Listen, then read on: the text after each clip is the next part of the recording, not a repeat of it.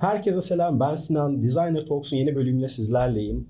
Bu bölümde de kendi deneyimlerimden yola çıkarak bazı şeyler anlatmak istiyorum size. Hem kendi deneyimlerim hem de takip ettiğim bazı tasarımcıların yaptıkları konuşmalardan aldığım referanslar hem de kendi tasarımla ilgilenen arkadaşlarımla yaptığım konuşmalardan çıkan bir konu aslında bu. Bu da nedir? Tasarımcının asıl işi müşterinin ne istediğini ona anlatmaktır. Şimdi bu konuyu biraz açmak gerekiyor çünkü yanlış yerlere de çekilebilir ama işin profesyonel tarafında yani ticari boyutundan baktığınızda bir müşteriyle görüşürken her zaman doğru briefleri alamayabilirsiniz. Bu da çok normal bir süreç aslında. Hani bunun yadırganmaması da gerekiyor. Çünkü karşınızdaki kişi çoğu zaman tasarım tarafında bir bilgiye sahip olmayabilir. Ve bu da çok normal bir süreç. Çünkü karşınızdaki kişinin asıl yaptığı iş tasarım değildir.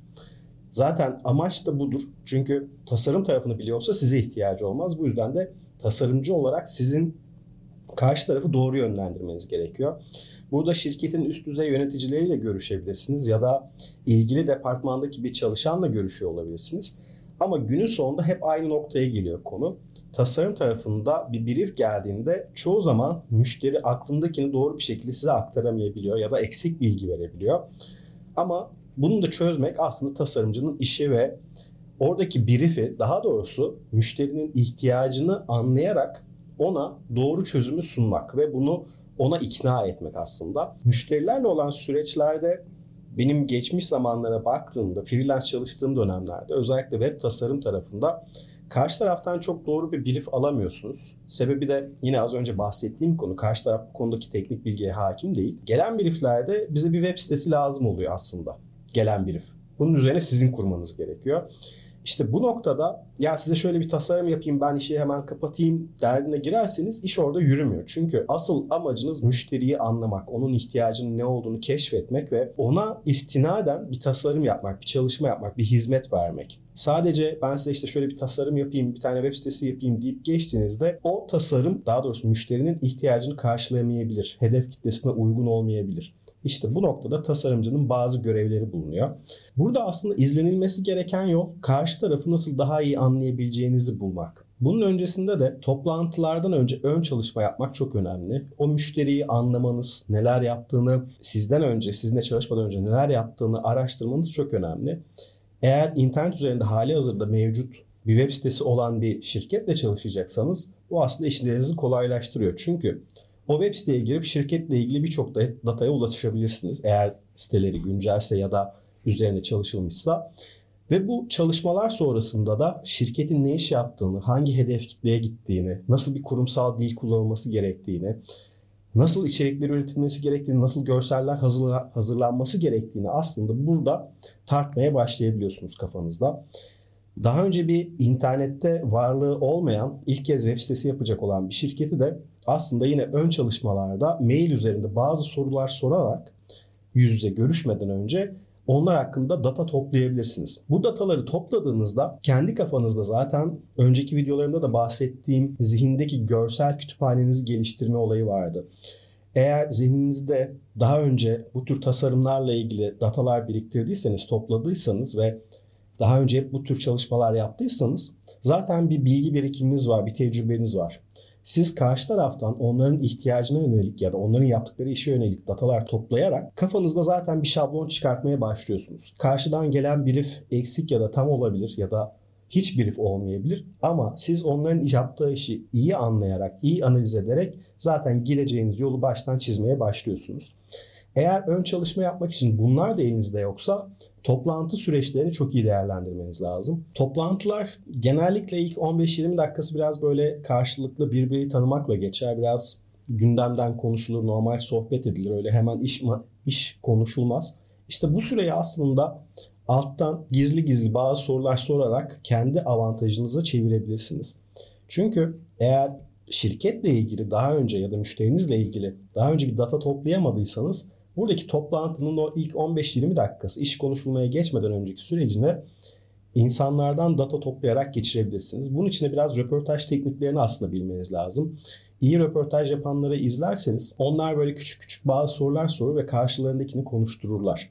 Zaten röportajın amacı da sizin konuşmanız değil karşıdaki kişinin konuşmasıdır. Burada röportaj yapar gibi şirketle ilgili, yapılan işle ilgili, alınan hizmetlerle ilgili bazı böyle küçük sorular sorarak asıl iş konuşulacak toplantı öncesi müşterinizden bilgiler toplayabilirsiniz. Bu bilgileri topladıktan sonraki süreçte de gideceğiniz yol karşınızdaki kişinin tabii ki yaklaşımına, iş konusundaki bilgi deneyimine göre şekillenecektir. Ama tasarım tarafında eğer çok uçuk fikirleri varsa ya da atıyorum X bir sitede alışveriş yaparken bir özellik görmüş olabilirler ve onu kendi sitelerine koymak isteyebilirler. Bu kim zaman çalışır, kim zaman çalışmaz. İş modeline ve sektöre göre bunlar değişir. Bu durumda da sizin tasarımcı olarak müşteriyi doğru yönlendirmeniz lazım. Müşterinin her dediğine tasarım açısından evet demek çok doğru bir yaklaşım değil. Bunun örneklerini getiririm burada ekranda. Müşterinin her dediğinde evet dendiğinde nasıl tasarımlar çıkıyor diye caps'ler var internette belki görmüşsünüzdür. O noktada müşterinin ihtiyaçlarına dair datalar topladıktan sonra sizden istenen işin sektörel olarak doğru bir şekilde aktarılacak tasarım şablonunu sizin müşteriye aktarıyor olmanız lazım. Burada müşteri sizden teknik bir açıklama beklemeyecektir. Yani tasarımı nasıl yapacağınız, hangi programı kullanacağınız, hangi yazılım dilini yapacağınız eğer talep ederlerse söylersiniz. Ama çoğu zaman benim de karşılaştığım detaylarda müşterinin baktığı nokta şu. Ben senden bir hizmet almak istiyorum, bir ücret karşılığı. Sen bunu ne kadar sürede ne kadar iyi yaparsın. Günün sonunda iş ortaya konulan son işe bakıyor. Böylelikle işin teknik tarafını onlara anlatmanız çoğu zaman gerekmiyor. Ve bir bağ kurabilmek için, iletişim dilinizi güçlendirebilmek için karşı tarafla metaforlardan gitmeniz lazım. Metaforlar da bilmeyenler için kısaca açıklayalım. Bir konuyu farklı örneklerle ve e, bağdaştırarak aslında karşı tarafa anlatmaya çalışmak diyebiliriz. Tam anlamı bu değil ama şu anki konuda bunun altını dolduruyor. Metaforlar kullanmak benim tasarım tarafındaki işlerde müşterilerle sürekli yaptığım bir iş. Özellikle onların ilgi alanlarına dair bilgiler yakalayabilirsen bu görüştüğüm toplantı sırasında atıyorum adamın masasında bardak vardır, bir şey vardır, futbol takımıyla ilgili bir fotoğraf vardır, başka bir şey vardır. Oradan hemen futbol üzerinden bir metafor yapabilirsiniz. Ya kendi yaptığınız işi ya da onların yaptığı işi bu metafor üzerinden anlatmaya çalışabilirsiniz. Bu da ne işe yarıyor? Eğer karşı taraf kendisiyle alakalı bağ kurabileceği bir konu üzerinden sizin yaptığınız işi anlamaya başlarsa sizinle olan iletişimi güçleniyor ve sizin aslında onlara ne sunmak istediğinizi daha iyi anlıyorlar.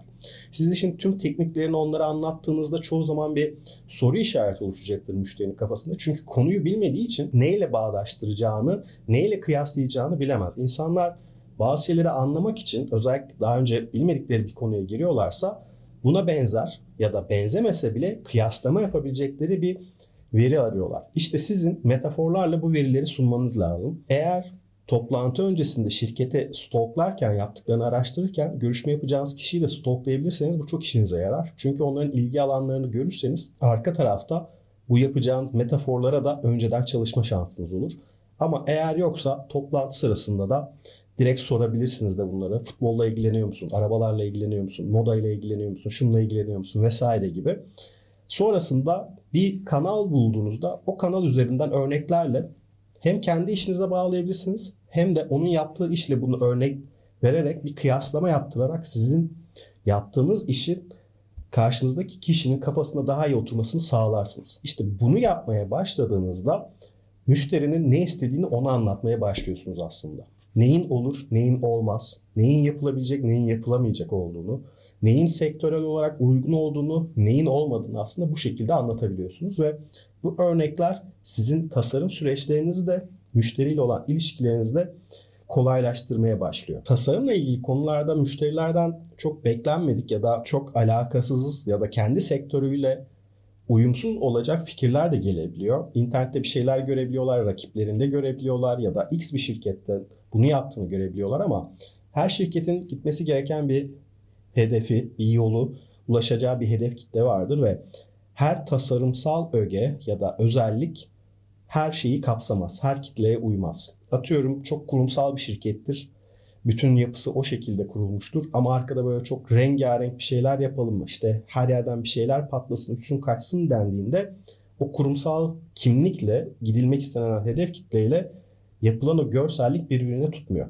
İşte bu noktada tasarımcı olarak sizin neden bunların olmayacağını mantıklı bir çerçeve içerisinde gerek istatistiklerle gerek verilerle hatta en güzeli görsel örneklerle anlatmak gerekiyor. Çünkü karşı taraftaki kişiye bir veri sunduğunuzda görsel olabilir, istatistik olabilir adına ne derseniz deyin. Onu ikna etmeniz ve onun aslında işin neden böyle yapılması gerektiğine dair olan fikrini değiştirmeniz kolaylaşıyor. İşte Kimi zaman çok talepkar ya da çok inatçı müşteriler de olabiliyor. Burası çok bıçak sırtı bir konu çünkü işin başlarındaysanız tasarım tarafında kariyer olarak ve maddi kazanç elde etmeniz gerekiyorsa bazı şeylerden ödün vermeniz gerekiyor ama ödün verdiğiniz şeyleri de yine iyi seçmeniz lazım. Çünkü bazen cidden gelen taleplerde ortaya çıkacak işin kötü olacağı çok bariz belli oluyor. Burada müşteriyi ikna etmeniz lazım. Eğer müşteriyi ikna edemiyorsanız burada iki sonuç doğuyor ortaya. Ya işi yaparsınız ama bu size kötü bir referans olarak geri dönüşü olur ya da hayır dersiniz. İşin başlarında hayır demek bazen zor oluyor. Çünkü işin maddiyat tarafı daha ağırlıklı basabiliyor ama günün sonunda şunu mutlaka göz önünde bulundurmalısınız. Siz isminizle iş yapacaksınız. Yaptığınız işler portfolyonuzu oluşturacak ve ortaya kötü işlerden oluşan bir portfolyo çıkartırsanız bu sizin isminizi aslında etkileyecektir ve kötü bir şekilde etkileyecektir. O yüzden nerede evet, nerede hayır diyeceğinize, ne kadar ödün vereceğinize karar vermeniz çok önemli. Yine dediğim gibi işin başlarındayken bunu yapmak zor olabilir.